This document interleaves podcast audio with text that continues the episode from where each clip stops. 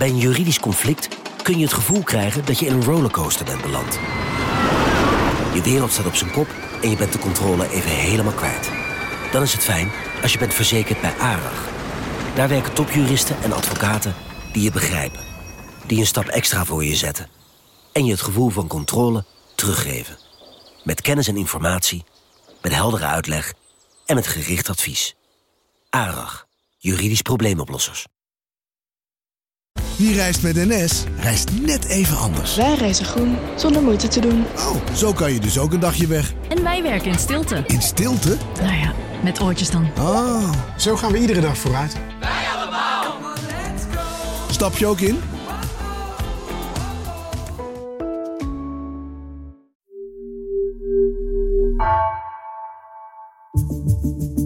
Vanaf de redactie van NRC het verhaal van vandaag. Mijn naam is Geertje Tunter.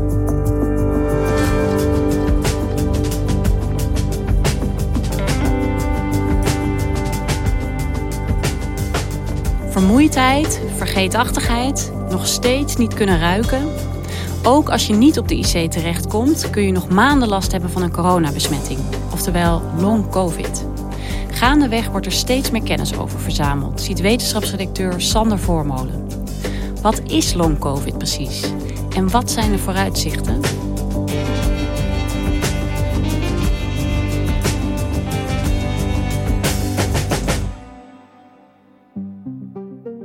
Vrijdag 9 juli was er opeens een nieuwe persconferentie met uh, Mark Rutte en Hugo de Jonge. Ja, het kabinet grijpt in. De nieuwe maatregelen zijn zojuist bekendgemaakt tijdens een persconferentie. Discotheken en clubs moeten hun deuren sluiten. Horeca moeten zich opnieuw aan de anderhalve meter houden en zitplaatsen aanbieden. En dat geldt ook voor festivals en evenementen. Na eerdere versoepelingen bleken toch uh, de besmettingen enorm op te lopen. Uh, tot schrik van het kabinet. Met name jongeren zijn uh, heel veel besmet geraakt.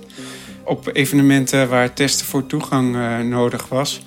Kennelijk was dat toch niet helemaal waterdicht en uh, zijn veel jongeren besmet geraakt. En Hugo de Jonge waarschuwde ook van. Uh... Ook jongeren kunnen nog lang last houden van een COVID-infectie. Ruim een kwart van de jongeren tussen de 16 en 25 die een besmetting heeft doorgemaakt, zegt volgens het RIVM drie maanden na de besmetting nog klachten te hebben. En als we dat kunnen voorkomen door nu gas terug te nemen, dan moeten we dat doen. Sander, we hebben al veel afleveringen over corona gemaakt. Hè? En dan ging het eigenlijk heel vaak over IC-opnames. En zoiets als long COVID, dat speelde vooral op de achtergrond eigenlijk. Nu is het opeens weer een hot topic. Kun je eens vertellen, wat is het eigenlijk precies? Ja, dat is een uh, interessante vraag, want dat weten we eigenlijk niet zo goed. Het is natuurlijk wel iets waar mensen echt langdurig last van kunnen hebben. Maar het is ook nogal variabel. Het gaat van hele zware symptomen tot hele lichte symptomen. Alleen die mensen die dus uh, dat hebben, hè, long covid. Trouwens, uh, het heeft niet alleen iets met de longen te maken, maar het, het heet dus vanuit het Engels long covid. Mm-hmm. Maar de mensen die dus dat hebben, die zijn al lang niet meer besmettelijk, want de acute infectie is al voorbij. Maar ze houden dus nog wel klachten door. En ja, hoe dat precies komt, dat weten we eigenlijk niet. Maar uh, het komt waarschijnlijk door de ontregeling van hun lichaam door de, de virusinfectie.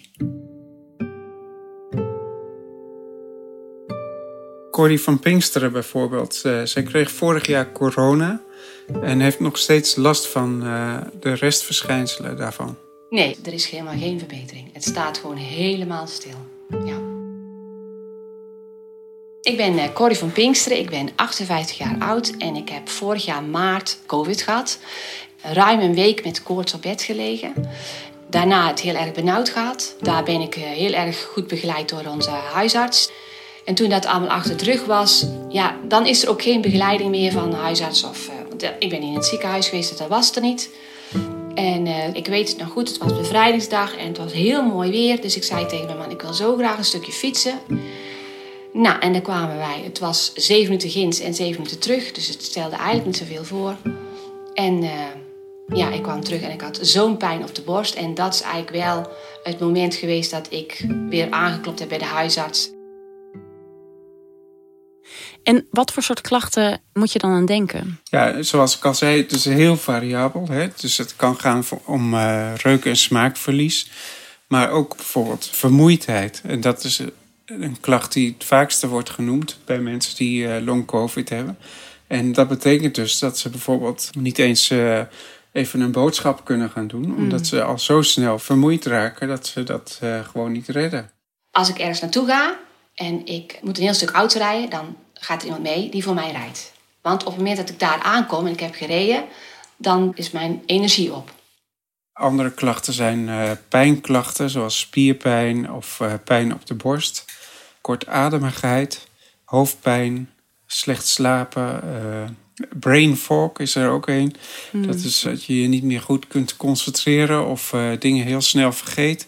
Ja, en dat zijn heel uiteenlopende dingen eigenlijk hè, die jij noemt.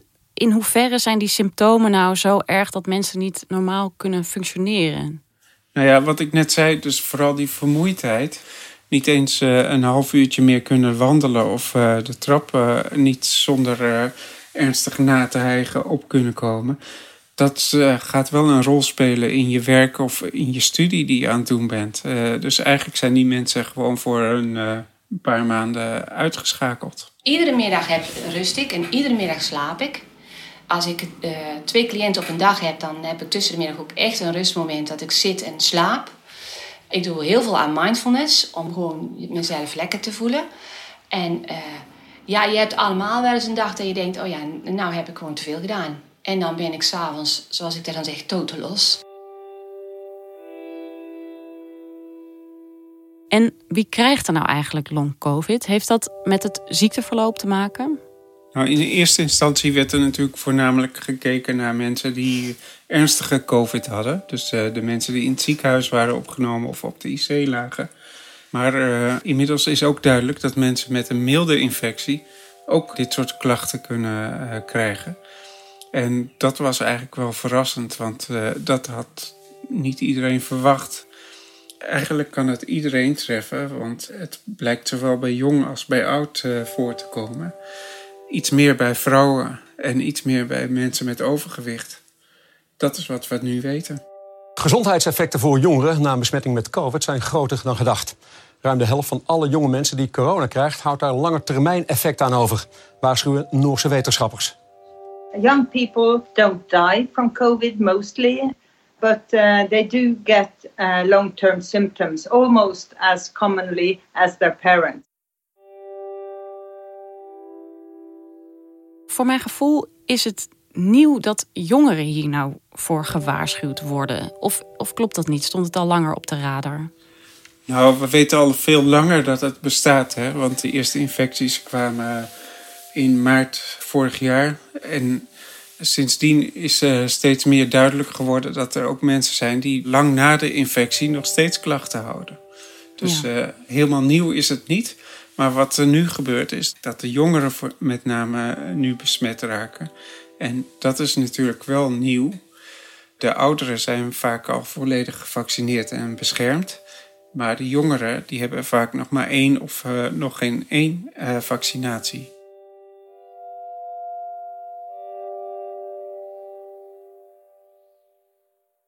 We weten natuurlijk meer dan begin vorig jaar, maar nog steeds is er veel onduidelijk over long COVID. Wat voor onderzoek wordt er naar gedaan? Internationaal wordt er veel onderzoek gedaan in Groot-Brittannië, Frankrijk, Noorwegen, Noord-Amerika. Ook in Nederland lopen diverse onderzoeken. Ik sprak bijvoorbeeld met viroloog Menno de Jong, die werkt bij het Amsterdam UMC. Hij zit ook in het OMT. Hij probeert mensen die positief getest zijn langdurig te volgen en te kijken wat voor klachten zij overhouden. En dan probeert hij ook nog een soort indeling te maken in uh, mensen met dezelfde soort klachten, zodat je dus ook uh, kan kijken of je die misschien op een bepaalde manier kan behandelen. En hoe is dat uh, onderzoek in Amsterdam, hoe is dat opgebouwd? Ja, daarin hebben ze 300 mensen langdurig gevolgd die positief waren getest op corona. Die mensen werden regelmatig gecontroleerd op virusbesmetting door te kijken of er nog virusdeeltjes in hun neus of keel waren te vinden. Ook in hun ontlasting werd gekeken naar virus. ook hun bloed werd gecontroleerd, zodat ze een duidelijk beeld kregen van wat er nou precies aan de hand was met die mensen. En ongeveer een derde van die mensen, dus 100 personen, die had eh, een milde infectie doorgemaakt. En een van de uitkomsten van zijn onderzoek, en, en ja, daar was hij dus ook wel van onder de indruk. We kijken altijd eerst in eerste instantie naar de mensen die op de IC hebben gelegen en Ja. wat die voor klachten overhouden. Nou ja, dat blijkt de mensen die ernstig ziek zijn geweest. Na drie maanden heeft de helft nog een soort van klachten. Meestal is dat ook vermoeidheid, eh, maar ook benauwdheid. En dat heeft er natuurlijk mee te maken dat hun longen ernstig beschadigd zijn geraakt door de infectie. En dat moet dus herstellen. Dus eh, ja, deze mensen hebben ook duidelijk minder lucht eh, als je dat gaat meten. Bovendien, als je een tijd op de IC hebt gelegen, dan doet dat ook wel wat met je geestelijke gesteldheid. Dus die hebben vaak ook een, eh, een posttraumatische stressstoornis daaraan overgehouden. Maar wat Menno de Jong ook ontdekte, was dat eh, ook mensen die heel mild eh, besmet raken, die eigenlijk nauwelijks iets van de corona-infectie merken, dat die ook na drie maanden nog eh, klachten kunnen hebben. Ook bij een milde infectie kan het gewoon raak zijn wat betreft long-covid. Ja. Ja, hij zag bij een derde van de mensen die dus eh, eh, een milde infectie hadden doorgemaakt, toch nog eh, restklachten.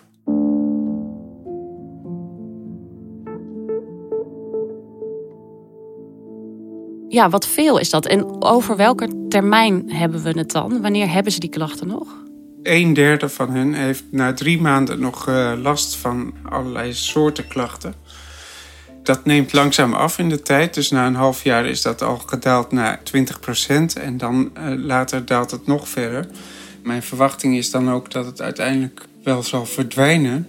Maar het risico bestaat natuurlijk wel dat sommige individuen er wel last van zouden blijven houden.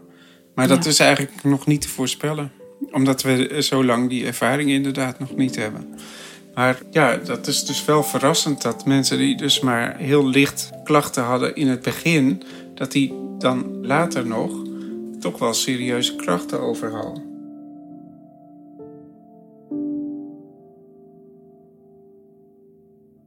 Je zei net van bij milde besmettingen eh, had een derde van de mensen die onderzocht werden na drie maanden nog klachten.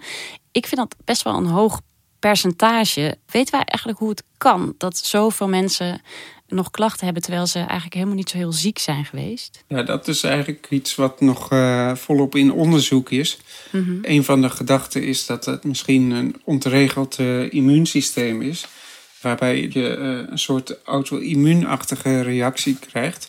Bij een auto-immuunziekte richten de antistoffen in je bloed eh, richten zich tegen je eigen lichaam. En daardoor ontstaat dus eigenlijk een soort eh, permanente ontsteking. Waardoor je dus allerlei klachten kunt krijgen.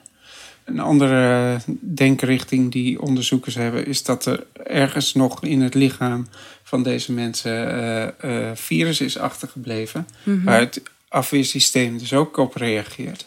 En dat, dat verklaart waarom ze nog steeds klachten houden. Precies, want die restjes virus, hè, die worden sowieso dus gevonden bij mensen die eh, eh, corona hebben gehad. We weten alleen niet helemaal zeker of dat ze ziek maakt. Nou, kijk, wat we wel weten is dat deze mensen niet meer besmettelijk zijn.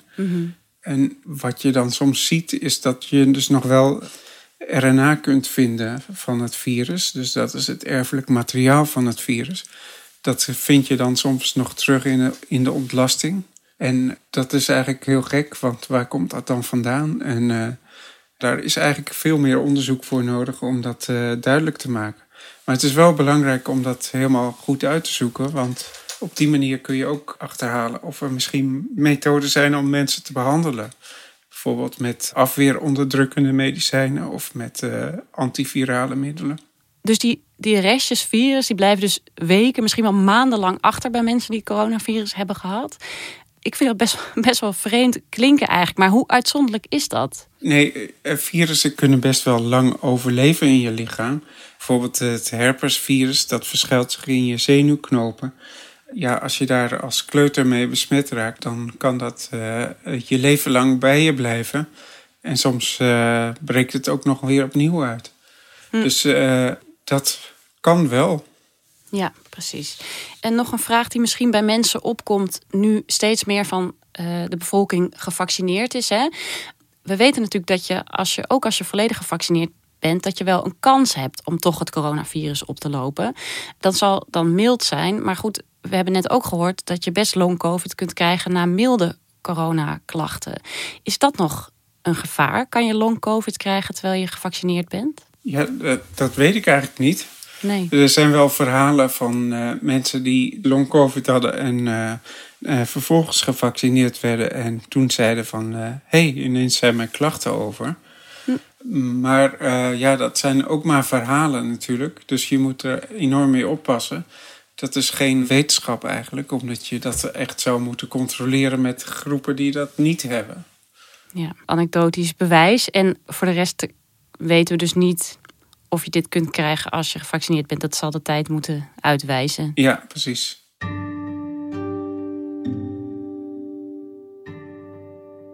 En uh, stel, hè, je hebt bijvoorbeeld vorig jaar corona opgelopen en je hebt een jaar later nog klachten. Nou, dat is natuurlijk heel erg naar dat je daar zo lang in zit. Zijn er inmiddels fatsoenlijke behandelingen? Nou, wat uh, wel vaak gebeurt is dat mensen door een fysiotherapeut worden behandeld. Die gaan dan langzaam weer het lichaam wat meer actief maken en bewegen. Ik heb inmiddels COVID-longfysio. Dus dan ga je ja, dan mag je niet lachen. Maar dan mag ik uh, eh, 10 minuten op de lopende band lopen. Dan mag ik 14 minuten fietsen. 5 minuutjes roeien. En dan nog een aantal dingen met gewichten. Daar ben je dan een uur mee bezig.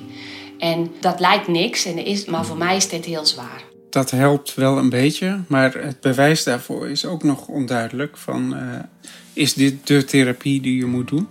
Maar over het algemeen is wel de indruk dat toch weer gaan bewegen, ook al kost het heel veel moeite, dat dat wel mm helend is. Ja, en er is geen. Niemand weet hoe dat het zich op gaat lossen. Sander, ik heb jou al een paar keer horen zeggen van uh, ja, ja, dat weten we niet precies. Wat vind je nou als wetenschapsredacteur van die onzekerheid de hele tijd? Hè? Eerst over wat corona precies is, daarna over die vaccins en nu over long covid. Is het niet heel irritant eigenlijk dat we de hele tijd zo weinig lijken te weten? Nou ja, ik vind dat eigenlijk alleen maar interessant. Hè? Ik hm. bedoel, als je er zelf mee te maken hebt, dan is het natuurlijk erg vervelend. Maar kijk, je kunt uh, op deze manier wel steeds meer te weten komen. En elke keer als je iets oplost, komen er weer nieuwe vragen. In eerste instantie uh, waren we heel erg druk bezig met van hoe, hoe we ernstig zieke uh, COVID-patiënten moeten behandelen. Ja. Maar nu komen we in de regio van wat doen we eigenlijk met mensen die long-covid krijgen en hoe kunnen we die het beste behandelen. En het allerbeste is natuurlijk om te voorkomen dat je covid ja. krijgt.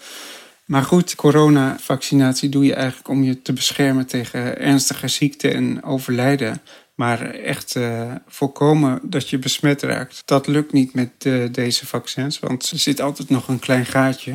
Dus je kunt nog wel besmet raken als je gevaccineerd bent. Hè. Dat weten we, dat die vaccins niet volledig steriel maken, zoals ze dat heten. Maar het is toch belangrijk om je wel te laten vaccineren, want dat is de enige manier om corona eronder te krijgen.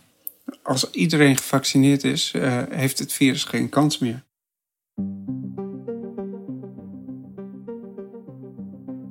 Wat vind jij? Moeten we ons nou zorgen maken over long COVID?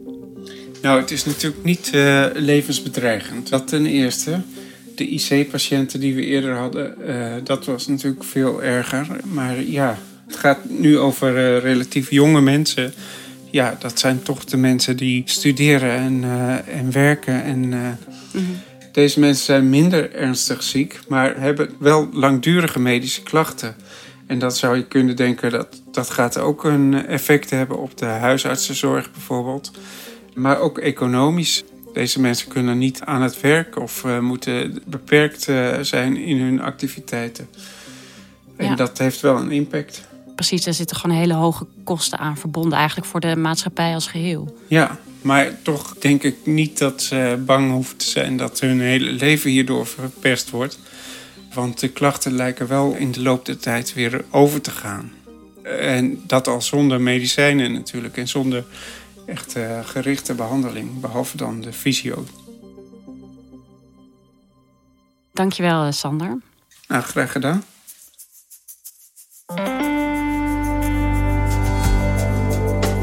Je luisterde naar Vandaag, een podcast van NRC. Eén verhaal, elke dag. Deze aflevering werd gemaakt door Wijken van Koolwijk en Jan-Paul de Bond.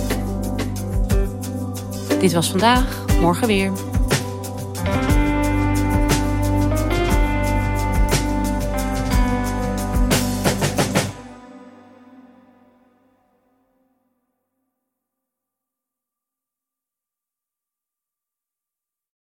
De financiële markten zijn veranderd, maar de toekomst, die staat vast.